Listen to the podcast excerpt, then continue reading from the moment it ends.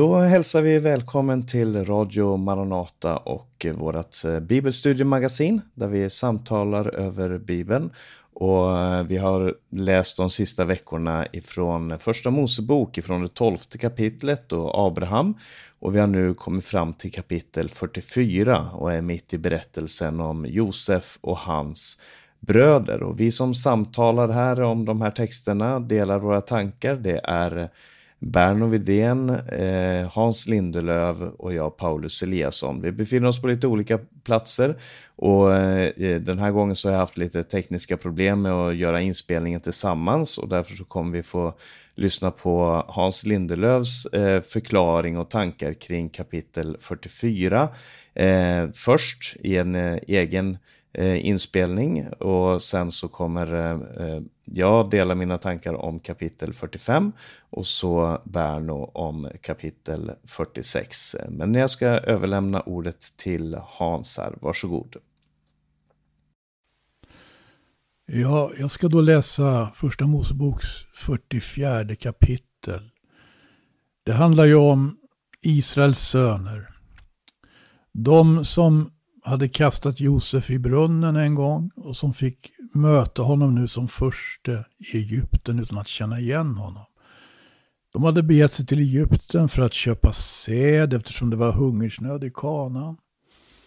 De hade varit en resa där och de hade kommit tillbaka igen nu med Benjamin eftersom det hade denne förste i Egypten som egentligen var Josef insisterat på. Och nu ska vi se hur det går då. Vi läser. Josef prövar sina bröder.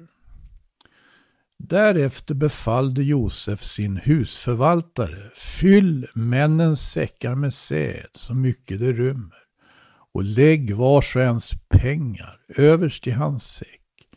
Och min bägare silverbägaren ska du lägga överst i den yngstes säck tillsammans med pengarna för hans säd. Han gjorde som Josef hade sagt. På morgonen när det blev ljust sändes männen iväg med sina åsnor. Men det hade inte kommit långt utanför staden när Josef sa till sin husförvaltare Sätt efter männen. När du hinner upp dem ska du säga till dem. Varför har ni lönat gott med ont? Det är ju den här som min herre dricker ur och som han brukar spå med. Det är en ond gärning ni har gjort. När han kom i dem sa han dessa ord till dem. Då svarade honom Varför talar min herre så? Dina tjänare skulle aldrig kunna göra något sådant. Pengarna vi fann överst i våra säckar har vi ju fört tillbaka till dig från Kanans land. Varför skulle vi då stjäla silver eller guld ur din herres hus? Den av dina tjänare som har bägaren ska dö och vi andra ska bli min herres slavar. Han svarade, ja det ska bli som ni har sagt. Den som bägaren finns hos ska bli min slav, men ni andra är utan skuld. Var och en skyndade sig att lyfta ner sin säck på marken och öppnade den. Han sökte först hos den äldste och slutade hos den yngste. Och bägaren hittades i Benjamins säck. Då rev de sönder sina kläder, lastade sina åsnor och vände tillbaka till staden. Juda och hans bröd gick in i Josefs hus, där han ännu var kvar, och föll ner till jorden för honom. Då sa Josef till dem, vad har ni gjort? Förstod ni inte att en man som jag kan spå? Judas svarade, vad ska vi säga till min herre? Hur ska vi tala och hur ska vi rentvå oss? Gud har funnit dina tjänares missgärning. Vi är nu min herres slavar, både den som bägaren hittades hos och vi andra. Men Josef sa nej, aldrig skulle jag göra så. Den som bägaren hittades hos ska bli min slav. Men ni andra kan resa hem till er far i frid. Juda vädjar för Benjamin. Nästa rubrik här i texten. Då steg Juda fram till honom och sa, lyssna på mig, Herre. Låt din tjänare säga ett ord inför min Herre och bli inte arg på din tjänare, för du är som farao. Min Herre frågade sina tjänare och sa, har ni en far eller någon mer bror? Vi svarade min Herre, vi har en gammal far och en son till honom, en som är född på hans ålderdom och som fortfarande är ung. Men en bror till honom är död, så han är den ende som är kvar efter sin mor och hans far älskar honom.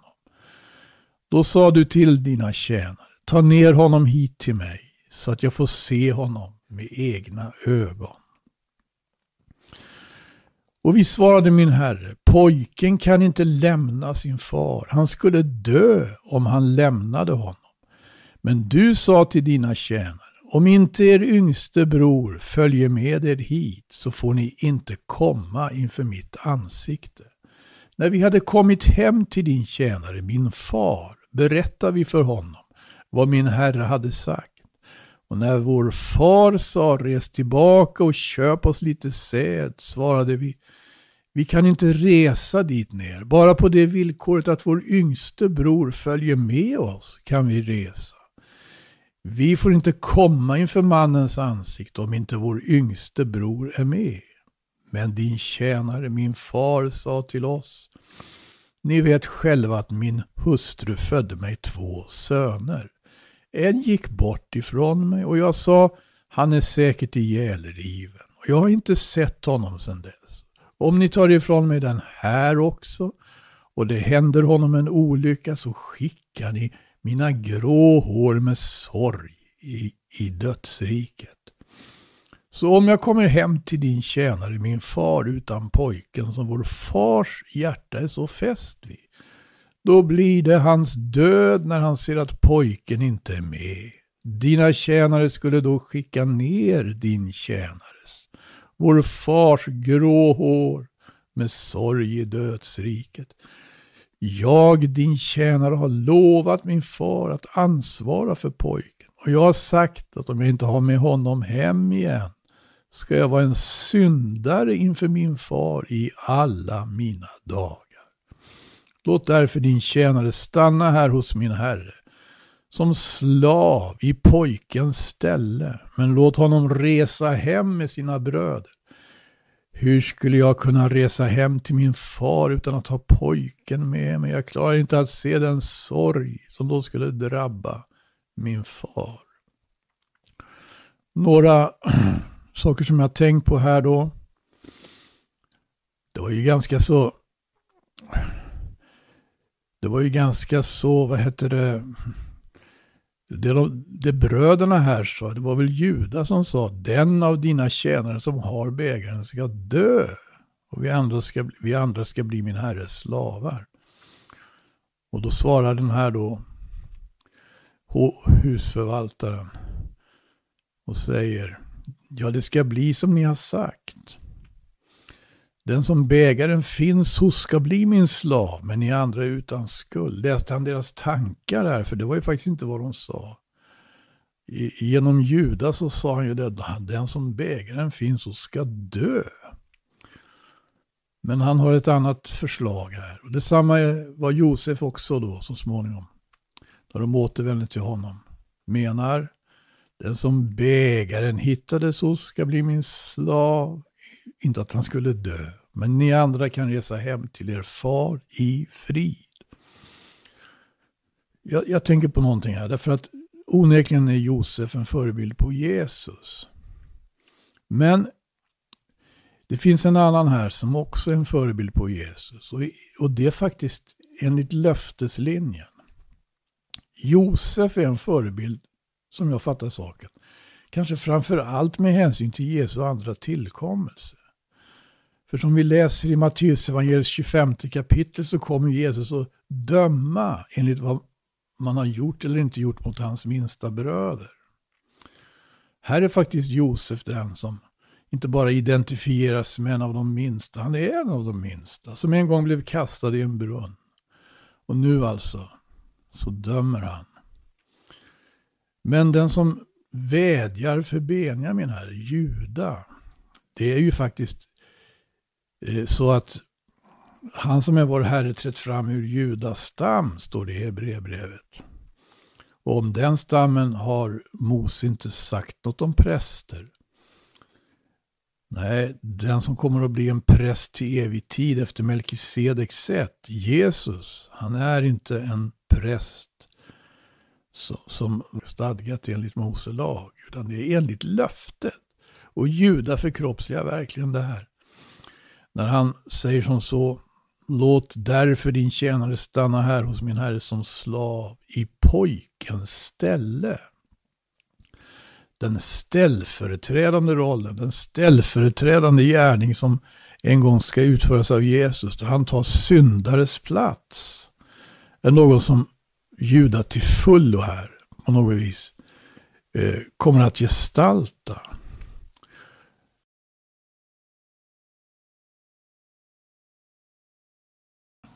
Vad va enormt. Den, denne store först över Egypten, Josef, som inte tidigare har sagt något om den saken, säger nu till dem. Jag är Josef. Och han tar sina bröder i famn och kysser dem. Och så småningom så kommer jag, Jakob själv och Israel att få höra det här. Och, och, och, kan inte fatta det. Liksom inte bröderna heller till först kan fatta det. Vilken stor, vilken, hur det hela vänder. Va? Och är inte det här någonting om, och, som vi också förstår när vi läser om, om Jesu andra tillkommelse. Någonting kommer att vända något alldeles oerhört. Och då inte minst i förhållande till det judiska folk. Han kommer att stå med sina fötter på Oljeberget. Judarna kommer att gå igenom någonting som kallas för Jakobsnö. Det kommer att vara så trångt för dem. Frågan om de inte kommer och jagas ut i öknen. Där de en gång kom vandrande från Egypten. Men det kommer att bryta igenom en ny tidsålder. Det judiska folket är med och för tidsåldern till sin avslutning. Församlingen, Jesu församling däremot, kan liknas vid Josefs hustru av hedningarna. Och kommer inte att föra tidsåldern till fullbordan. Utan kommer att ryckas ut ur tidsåldern. Ja, det är, en, det är ett ämne för sig.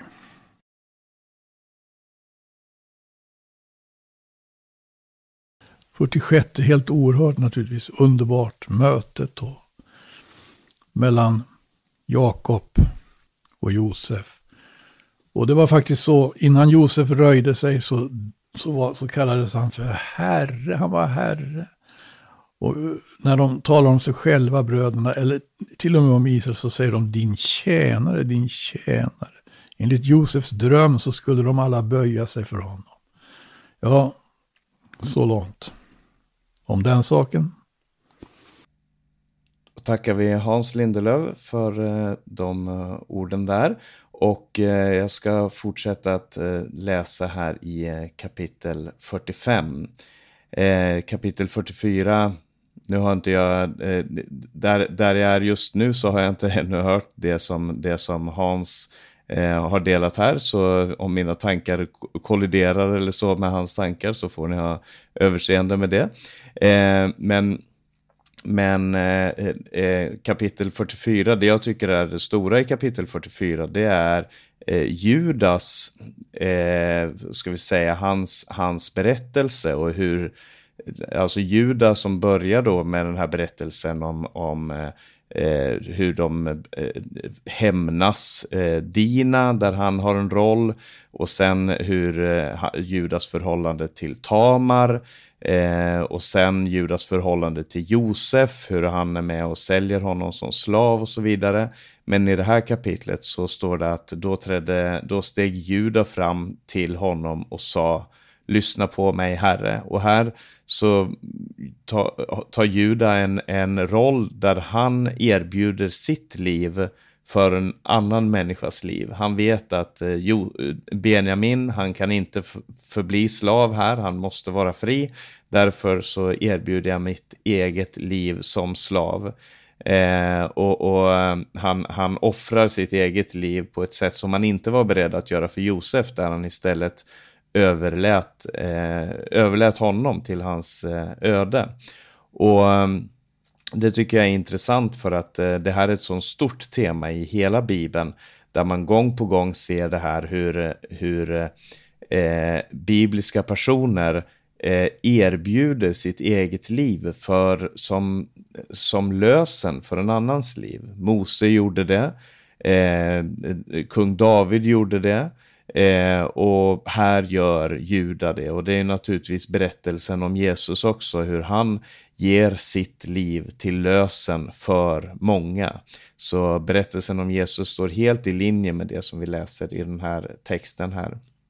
Men eh, det här kapitlet slutar ju då med att han säger låt därför din tjänare stanna här hos min herre som slav i pojkens ställe, men låt honom resa hem med sina bröder. Hur skulle jag kunna resa hem till min far utan att ha pojken med mig? Jag klarar inte att se den sorg som då skulle drabba min far. Och eh, det är det som är upptakten då. Vad, hur ska Josef reagera på det här? Ska han fortsätta med sina tester, med sitt spel? Vad kommer hända? Och det ska vi läsa nu i kapitel 45. Då står det, då kunde Josef inte längre behärska sig. Då kunde Josef inte behärska sig längre inför alla som stod omkring honom. Han ropade, gå ut härifrån allihop. Ingen fick stanna inne hos Josef när han gav sig till känna för sina bröder. Han började gråta så högt att egyptierna hörde det och faraos husfolk hörde det också. Och jag har nämnt här innan alla de här gångerna som Josef gråter. Det står ingenting om, om hans gråt eh, tidigare i livet, inte ens då han såldes som, som slav. Där står det att han hade ångest och han bad om nåd. Eh, det står ingenting om att han grät när han eh, var i Puttifars hem eller när han var i, i fängelset efteråt eller när han började sin tjänst hos farao. Men här i de sista kapitlen, när det handlar om hans förhållande till sin egen familj och hur det på ett sätt återupprättas och han ser, han ser vad som har hänt med hans bröder och hur de behandlar den här situationen, då börjar han gråta och här, här gråter han så högt att egyptierna hörde det, det, det når någon slags crescendo i den här eh, berättelsen. Eh, och så fortsätter det. Och Josef sa till sina bröder, jag är Josef, lever far än? Men hans bröder kunde inte svara, så förskräckta blev de för honom. Just det påminner lite, det är en tanke som slår mig, att det påminner lite om, om när Jesus kom, uppstod från de döda. Så står det att, att de, de visste inte vad de skulle säga av bara, av bara glädje, av bara förskräckelse och av glädje. De, det var en, en, en eh, förundran och en glädje inför han som de var övertygade om var död, men som nu lever igen. Eh, då sa Josef till dem, kom hit till mig. När de kom fram sa han, jag är er bror Josef som ni sålde till Egypten. Men var inte ledsna och sörj inte över att ni sålde mig hit. Det var för att rädda liv som Gud sände mig hit före er. Så Josef visar här att han har förstått vad som var Guds mening efter många, många år med tjänst hos Puttifar i fängelse och sen tjänst hos farao och, och, den trofasta tjänst som han har gjort så många gånger på så många olika sätt. Ända sedan, ända sedan han var liten och, och irriterade sina bröder genom att gå och berätta för sin far vad de hade gjort för någonting. Eh, så, så har han liksom hållit fast vid och utvecklats som människa. Och eh, här så, så, eh, så visar han att han ser att det är Gud som har legat bakom det här. Eh, och, och var inte ledsna och sörj inte över att ni sålde mig hit. Det var för att rädda liv som Gud sände mig hit för er. Och det här är ju ett stort dilemma och någonting som skriften kommer tillbaka till gång på gång på många olika sätt. Eh, därför att vad är lidande för någonting? Vad, vad är meningen med lidande? Alltså, det är en av de största teman som, som Bibeln har. Jobs bok, Saltaren, eh, Jeremia, så många olika profeter och förkunnare och så vidare som, som går igenom lidandets mysterium och, och, och lidandets avsikt. Och det man skulle vilja säga kommer fram till när man läser Bibeln, det är att för det första så kan lidandet i sig själv eh, bygga karaktär, alltså bygga en människa genom övning, genom att konfronteras med situationer och inte bara vara i det som man populärt talar om sin komfortzon, eh, utan när man går utanför komfortzonen, när man, när man utmanar sig själv, när man eh, ja, när det händer någonting helt enkelt, då finns det möjlighet för förändring. Eh, och, det, och det skapar karaktär hos en människa. Och det kan man se många gånger både i Bibeln och jag tror att man kan eh, väldigt lätt se det i sitt eget liv också. Eh, men sen så kan lidandet, så som det presenteras i, i, så många gånger i Bibeln, vara nödvändigt för att sen leda till ett, ett större goda. Alltså som i den här berättelsen, Josef som går igenom år av lidanden, år av förvirring och, och tankar och funderingar. Vad, kan, vad är det här bra för? Vad är Guds tanke? Vad, vad ska komma ut ur det här? Eh, så kommer han till slut fram till den här eh, den här konklusionen. Det är Gud som har gjort det. Det är Gud som har varit med under alla steg utan att försvara för ett ögonblick vad hans bröder har gjort, vad, vad han har upplevt, vad Potifar och hans hustru gjorde mot honom. Eh, utan att försvara någonting som, som är synd och som är fel, så kan han ändå säga i allt detta så har Gud verkat. Och för det tredje skulle jag vilja säga att lidande kan vara eller lidandet är en del av den fallna världens verklighet. Alltså den världen som vi lever i, den, den är fallen och den är under en förbannelse och därför är lidande en del av den mänskliga erfarenheten. Eh, och det är det som Gud önskar ska väcka hos hans eget folk, en, en längtan och en vilja och en, en, eh, ja, en längtan efter en annan värld. Och det, allt det lidandet säger Nya Testamentet, det är väl aposteln Paulus som säger det, att jag, jag håller det för sant, att denna tidens lidande kan inte mäta sig mot den härlighet som ska uppenbaras. Så Gud kommer kompensera det som vi får utstå i den här tiden med en evig härlighet som väger tungt. Eh, och, men vi fortsätter, han, han talar här Josef och han säger i två år har det nu varit svält i landet och det återstår fem år då man varken ska plöja eller skörda. Det här var ju det han hade profiterat om tidigare sagt. Det var sju år, eh, sju års eh, goda år och så var det sju eh, onda år. Eh, och nu har det gått två år av det här. I två år har det varit svält i landet, då så fem år då man varken ska plöja eller skörda. Men Gud sände mig hit före er för att låta er bli kvar på jorden och hålla er vid liv till räddning för många. Det är alltså inte ni som har sänt, som sänt mig hit, utan Gud. Han har gjort mig till en fader åt farao och till herre över hela hans hus och till härskare över hela Egyptens land. Skynda er hem, säg, äh, skynda er hem till far och säg till honom, så säger din son Josef, Gud har satt mig till herre över hela Egypten, kom ner till mig, dröj inte det här påminner ju väldigt mycket, alltså det är så svårt att inte se alla parallellerna till Jesu liv i Josefs liv. Det här, det här säger någonting så väldigt tydligt om eh, denne Jesus, säger Petrus eh, i Apostlagärningarna, som ni korsfäste. Honom har Gud gjort till både Herre och Messias. Människorna eh, hade en, en, en konspiration eh, översteprästerna, hedningarna, Pontius Pilatus, Herodes, alla de här eh, hade en konspiration mot honom. Men han hade en plan, han hade en vilja, han hade, eh, han hade framför allt eh, lagt sitt liv i Guds händer och Gud utförde sitt verk igenom alla de här situationerna. Så, så han säger, det är inte ni som har sänt mig ut, utan Gud och han har gjort mig till en fader till en herre och till en härskare. Och då ska man tänka på att farao på den här tiden betraktades som en gud. Han hade gudastatus. Eh, och, och medan Josef då säger att jag är härskare över farao, eller eh, över hela Egypten och jag är en far till farao. Eh, och så sam men samtidigt så ger han ingen ära till sig själv. Han säger inte jag är en större gud än farao, utan han säger det är Gud som har sänt mig. Det är Gud som har gjort det för att rädda er. För att rädda dem. Inte för att döma dem, men för att rädda dem. Eh, så det här handlar väldigt mycket om att se bortom sina egna känslor och fråga sig vad kan göras? Vad kan jag göra för att rädda människor? Inte för att utöva min hämnd, inte för att eh, få den rätt som jag tycker mig ha, utan han har det här fokuset som jag tror är så otroligt viktigt och som jag framförallt ser hos Jesus, men som Gud också önskar att hans folk ska ha. Han säger det, var så till sinnes som Jesus Kristus var.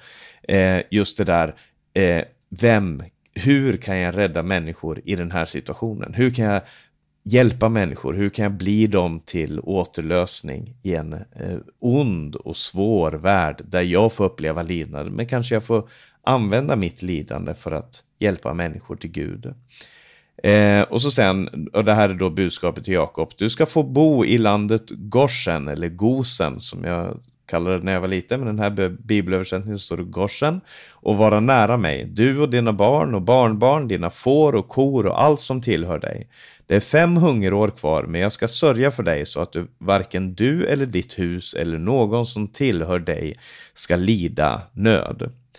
Eh, gosen eller Goshen, det, när man läser om, om Gosen i, i eh, Bibeln så framstår den helt klart som ett nytt Eden, ett nytt paradis.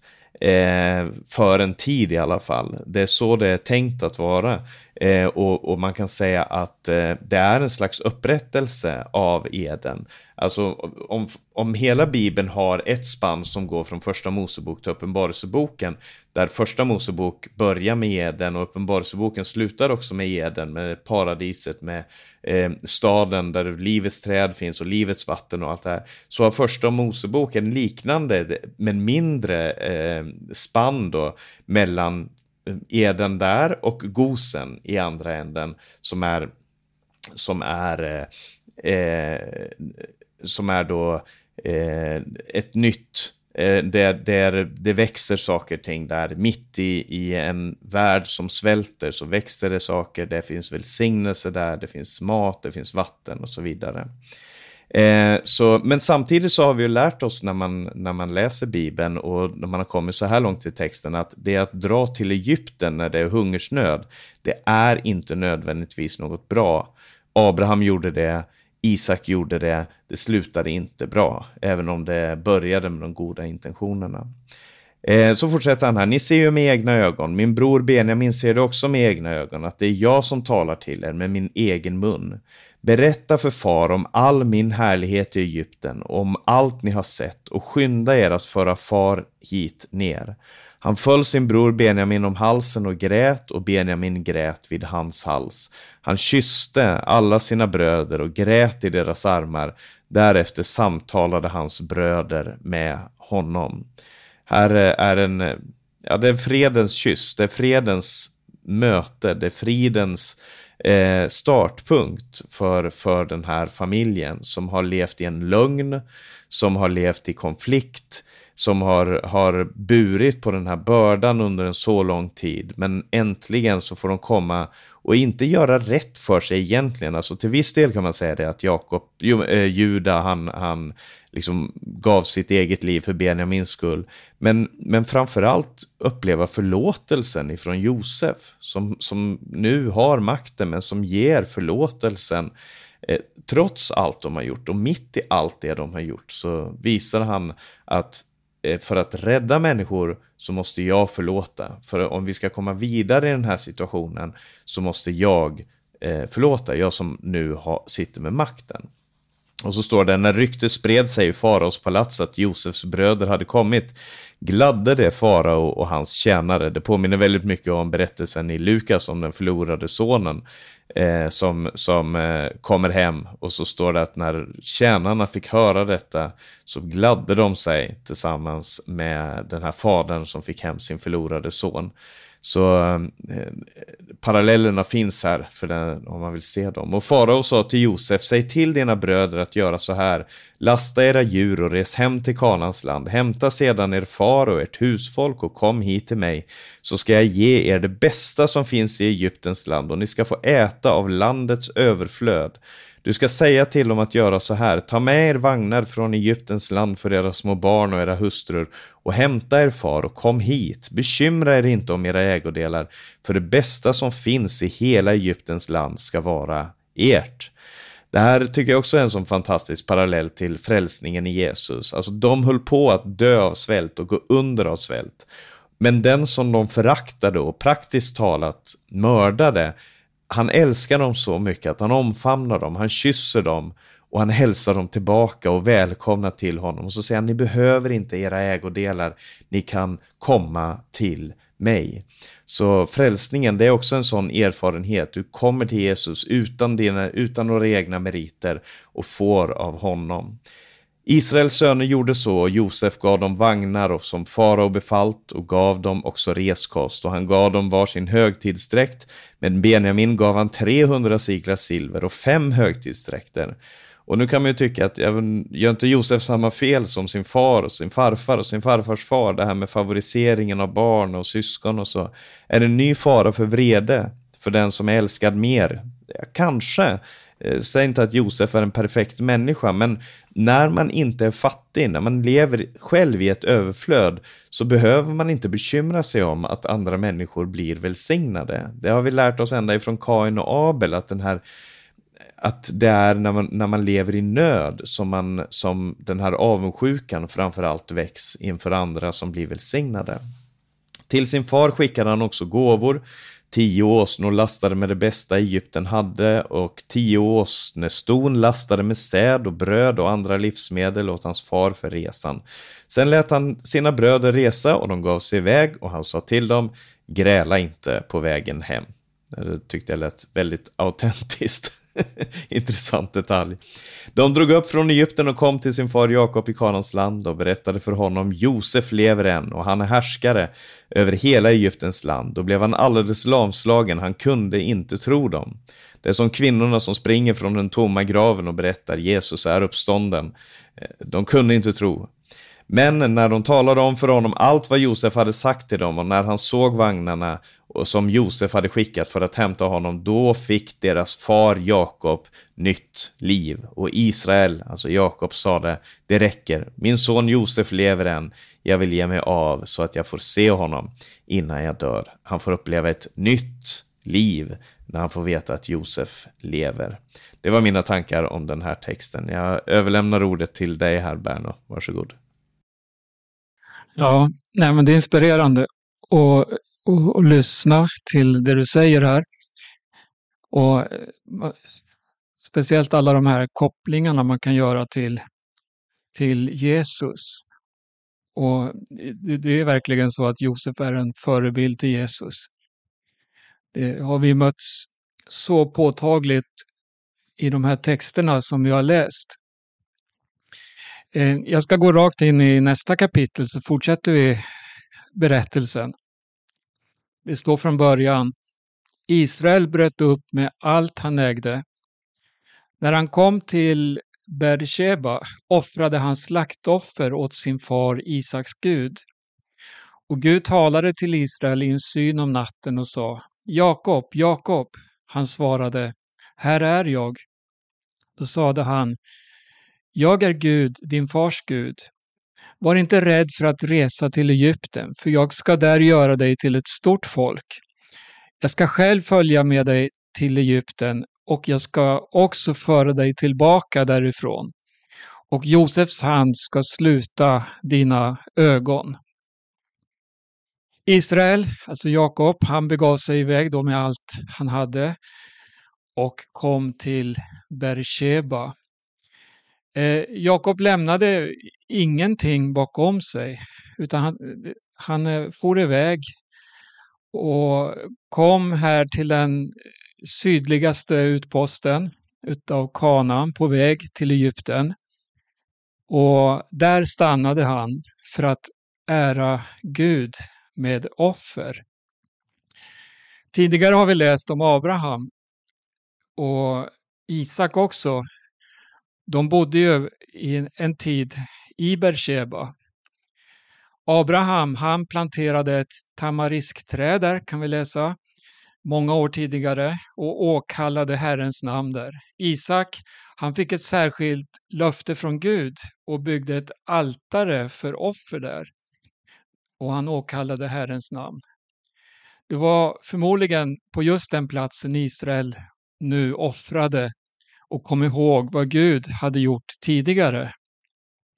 Det var en minnesvärd plats i hans familjs historia. Och så förstår vi också att det här var ju en eh, vändpunkt i Jakobs liv. Han fick veta att Josef levde och nu skulle han själv dra iväg till Egypten. Eh, man förstår att Jakob han, han ville vänta på Herren på något sätt. Han stannade där. Han ville känna sig säker i det här uppbrottet. Han skulle bryta ny mark, träda in på en väg som han faktiskt inte tidigare hade gått på då. Och han offrade offer och då står det att det var åt sin fars Gud, Isak. Eh, Gud talade till Jakob här i natten. Och mer än 40 år tidigare när Jakob var på väg att lämna det utlovade landet så talade Gud till honom i en dröm. Nu när han var på väg att lämna landet igen så talar Gud återigen till honom och han ger en försäkran genom en dröm. Han säger åt honom, var inte rädd att gå ner till Egypten. Och när man läser det här så förstår man att Jakob, han var förmodligen rädd att åka till Egypten. Eh, han eh, kanske kom ihåg att Abraham hade tidigare åkt till Egypten under en hungersnöd. Och det var ju ett slags uttryck för hans otro då. Han, han flydde dit på ett sätt. Och det kom ju inte bara bra saker ifrån det, det kan, vi, kan man läsa om tidigare. Han kanske också kom ihåg vad Gud sa till hans far Isak om att inte dra ner till Egypten. Och så tänker jag på det här också hur Jakob eh, hade hört då hur Gud hade sagt till Abraham att hans ättlingar skulle vara främlingar i ett land som inte var deras eget. Och att de där skulle tjäna och bli förtryckta i 400 år. Och nu när Jakob ledde sin familj in i detta främmande land, så han visste ju inte vad framtiden hade att erbjuda. Men samtidigt visste han att framtiden låg i Guds händer. Jakob, när han nu kopplade samman med det som Gud hade gjort i det förflutna genom att offra i Bersheba, så blev han övertygad om Guds plan för framtiden. Ja, det, det finns många tankar kring det här. Jag ska göra dig till ett stort folk där, fick han höra. Gud berättade alltså för Israel här vilket syfte han hade och, då, och, då, och, bara i den här satsen så ser man återigen Guds handlande från första början med Josef som såldes som träl, som behandlades så illa. Men i allt detta så fanns det en Guds plan. Han hade syfte, han skulle föra familjen till Egypten och där göra dem till ett stort folk. Egypten, det blev på ett sätt som, ska man säga, som moderlivet för Israel som nation. Det var ju där man växte från något väldigt litet till ett stort folk. Och så står det att jag ska också säkerligen föra dig upp igen. Alltså Jakob, han hade anledning att inte frukta den här resan till Egypten. Och det var ju det här att Gud lovade att föra honom tillbaka till det utlovade landet. Och det här skulle uppfyllas eh, efter Jakobs död, men det skulle uppfyllas. Och det uppfylldes sedan längre fram i tiden då. Och så fick han höra det här också att Josef skulle lägga sin hand och sluta hans ögon. Det var den slutliga försäkran på att Gud själv skulle berätta för Jakob att Josef levde och skulle ta hand om honom fram till hans dödsdag. Det måste ha varit en ljuvlig försäkran för honom. Efter alla dessa prövosamma år. Vers 5 då. Jakob bröt upp från Bersheba och Israels söner satte sin far Jakob, sina små barn och sina hustrur på vagnarna som farao hade skickat för att hämta honom. De tog sin boskap och de ägodelar som de skaffat sig i Kanans land och kom till Egypten. Jakob och alla hans ättlingar med honom, sina söner och sonsöner, sina döttrar och sondöttrar, alla sina ättlingar förde han med sig till Egypten. Det står om vagnar som farao hade sänt. Och I kapitlet innan så såg vi hur viktiga de här vagnarna var för Jakob.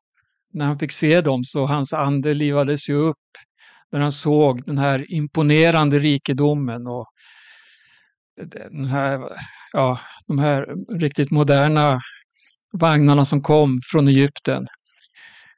Och det står att alla hans ättlingar förde han med sig. Och det här visar den stora tron som Jakob hade.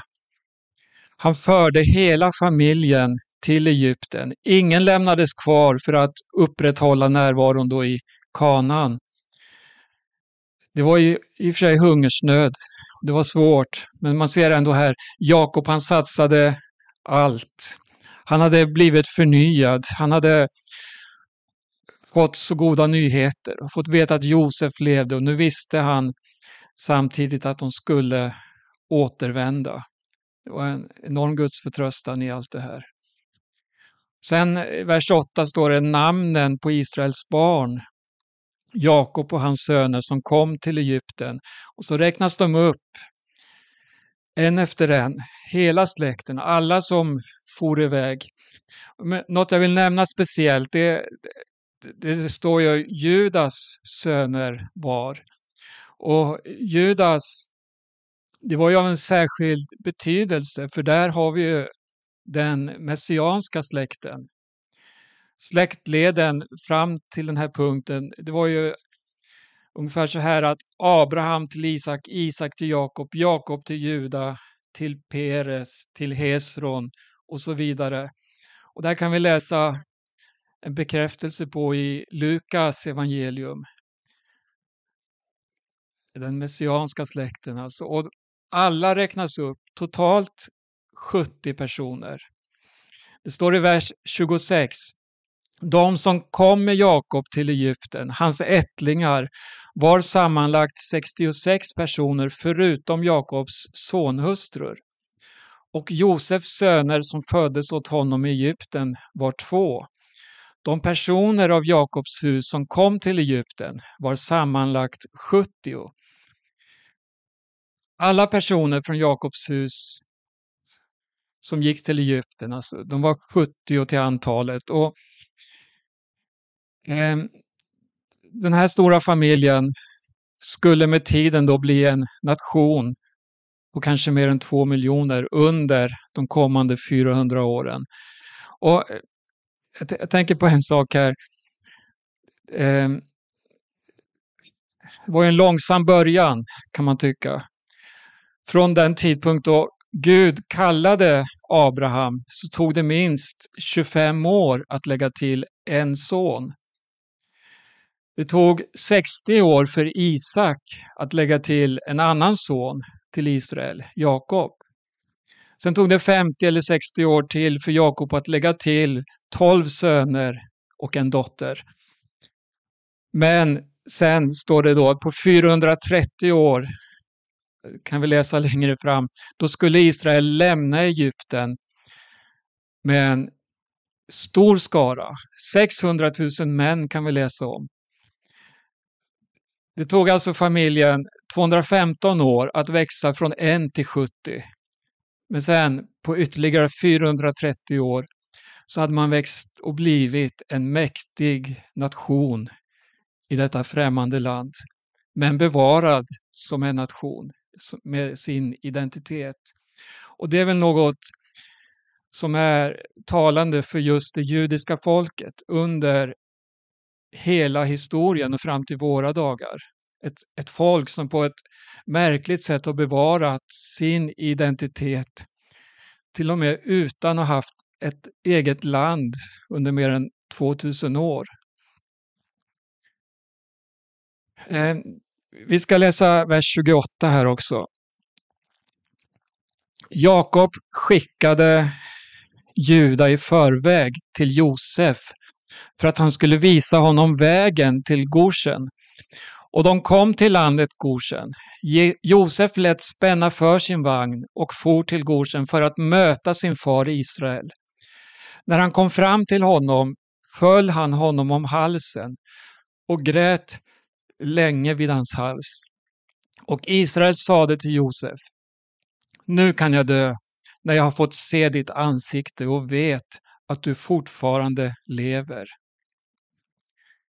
Han skickade Juda framför sig till Josef för att visa vägens, läser vi. Och det var passande för Juda. Jag tänker, eh, det vi har läst om honom, hur han utgav sig, hur han var beredd att ge sitt eget liv. Och han var också av den messianska släkten. Så han visade verkligen en sann anda av ånger och hjärtats förändring bland Josefs bröder. Det, det, är stort att läsa. Nu kan jag dö, sa Jakob. Nu har jag sett ditt ansikte och ser att du lever ännu. Den här återföreningen mellan Jakob och Josef, det var mer än han någonsin hade drömt om. Han hade hört nyheten att Josef levde och nu var det uppfyllt. Han hade fått se honom, fått möta honom. Det var en dramatisk förändring från att han tidigare hade sagt allt är emot mig. Han hade ju djupaste eh, vånda, djupaste klagan när han visste att, eller trodde att Josef var ihjälriven, han var borta ur hans liv. Vers 31. Josef sa till sina bröder och sin fars husfolk. Jag ska gå upp och tala med farao och säga till honom mina bröder och min fars husfolk som har bott i Kanans land har kommit till mig. De här männen är herdar och har ägnat sig åt boskapsskötsel. De har med sig sina får och kor och allt de äger. När sedan farao kallar er till sig och frågar vilket yrke ni har ska ni svara vi, dina tjänare, har sysslat med boskapsskötsel från vår ungdom och fram till nu, vi liksom våra fäder. Då kommer ni att få bo i landet Goshen, för egyptierna avskyr allt vad fåraherdar heter. Ja, jag kommer att gå upp och berätta för farao. Ja, Josef han blev företrädare och förespråkare för hela familjen. De hade kommit i säkerhet till Egypten, men nu, man behövde ju Josef för att representera dem. Och på samma sätt behöver den troende Jesus Kristus för att representera. Eh, Faraonerna efter Josefs död, det här är lite längre fram nu, de glömde Josef och gjorde Israels folk till slavar. Det visar vad som skulle hända. Och, men eh, Jesus, inte Maria, inte helgonen eller några andra, utan Jesus, han är vår eviga företrädare och förespråkare. Eh, som är densamme igår, idag, för evigt. Vill ha med det i det här också. Ni får bo i landet Goshen. Gud hade en plats verkligen för sitt folk. De blev inte förda till Egypten för att där bli hemlösa. Nej, det räckte inte för Josef att försörja deras behov i kanan utan de kom till en plats som han hade förberett för dem. På samma sätt som Gud har en plats förberedd åt sitt folk i alla tider, åt församlingen. Och vi eh, får oss att tänka på att vi ska inte ha som ögonmärke de ting som, inte, som synas utan vi ska blicka uppåt, blicka framåt till den plats som Gud har i beredskap. Vi ser Jesus här i båda aspekterna. Han tar hand om oss i nuet, men han har gått till himlen för att bereda en plats för oss och kommer att ta emot oss till sig själv. Amen, ja, lite tankar. Ja, ja det är en, rik, eh, en rikedom i den här eh, texten, de här tankarna här. Eh, jag säger det igen, alltså jag, jag berörs alltid när jag, när jag läser berättelsen om, om Josef och, och hans bröder. Och, och, och, hur det är så många saker och ting som, som knyts ihop här. Gud som säger jag ska själv följa med dig till Egypten och jag ska också föra dig tillbaka därifrån. Eh, det är, sån, eh, är det så starka ord när man tänker på vad som, vad som skedde med Israels folk och vad man kommer läsa om i andra Mosebok. Eh, och, och, som du nämner här, Judas, hans historia, hans uppdrag, hans roll i den här berättelsen. Där han, ja, man, man ser verkligen hur olika personer eh, utmanas av Gud i, i, genom livet och växer i, i, i sitt förhållande till Gud och till varandra. Och Eh, jag, ska, jag, ska, bara nämna som en liten parallell också, du nämnde de här personerna av Jakobs hus som kom till Egypten var sammanlagt 70. Så han gick, han gick då ifrån 12 söner till en familj på 70. Och jag vet inte om det har sammanhang, men jag sitter och läser Lukas evangelium nu innan, innan jul. Och jag lägger märke till att först så står det att Jesus sände ut de 12 som vi vet står som en slags parallell till de tolv stammarna, Jakobs tolv söner och Israels tolv stammar. Eh, och strax efter så står det att han sände ut de 70. I vissa översättningar så är det 72, alltså 12 gånger 6. Eh, 6 gånger så många. Eh, och här har då också skaran förökats till, till 60 och sen som du sa så förökas det till så otroligt många som förs ut ur Egypten och blir ett eget folk. Och jag undrar om inte det, Lukas försöker liksom eh, ge en liten vink här. Det var 12, det blev 70, vad kommer bli av det här? Jo, vid pass 3000 som tar emot på, på pingstens dag, vid pass, som förs ut ur den här världen, låter frälsa från detta perversa släkte som Petrus säger i Apostlagärningarna spännande texter här och, och jag får säga stort tack till eh, er som har följt med. Vi ska strax avsluta här, lyssna till någon sång eh, och få lite avannonseringar. Men jag ska nämna att vi som har samtalat här, det är Berno Widén som vi hörde nu sist, Hans Lindelöf som också eh, har varit med oss här och jag heter Paulus Eliasson. Eh, vi önskar er Guds rika välsignelse. Nästa vecka så fortsätter vi med att läsa om hur Jakob möter farao och, och hur han välsignar sina söner. Vi får se hur mycket vi hinner med där. Men det blir nästa gång i Radio Maranata. För den här gången så önskar vi er Guds rika välsignelse och på återhörande.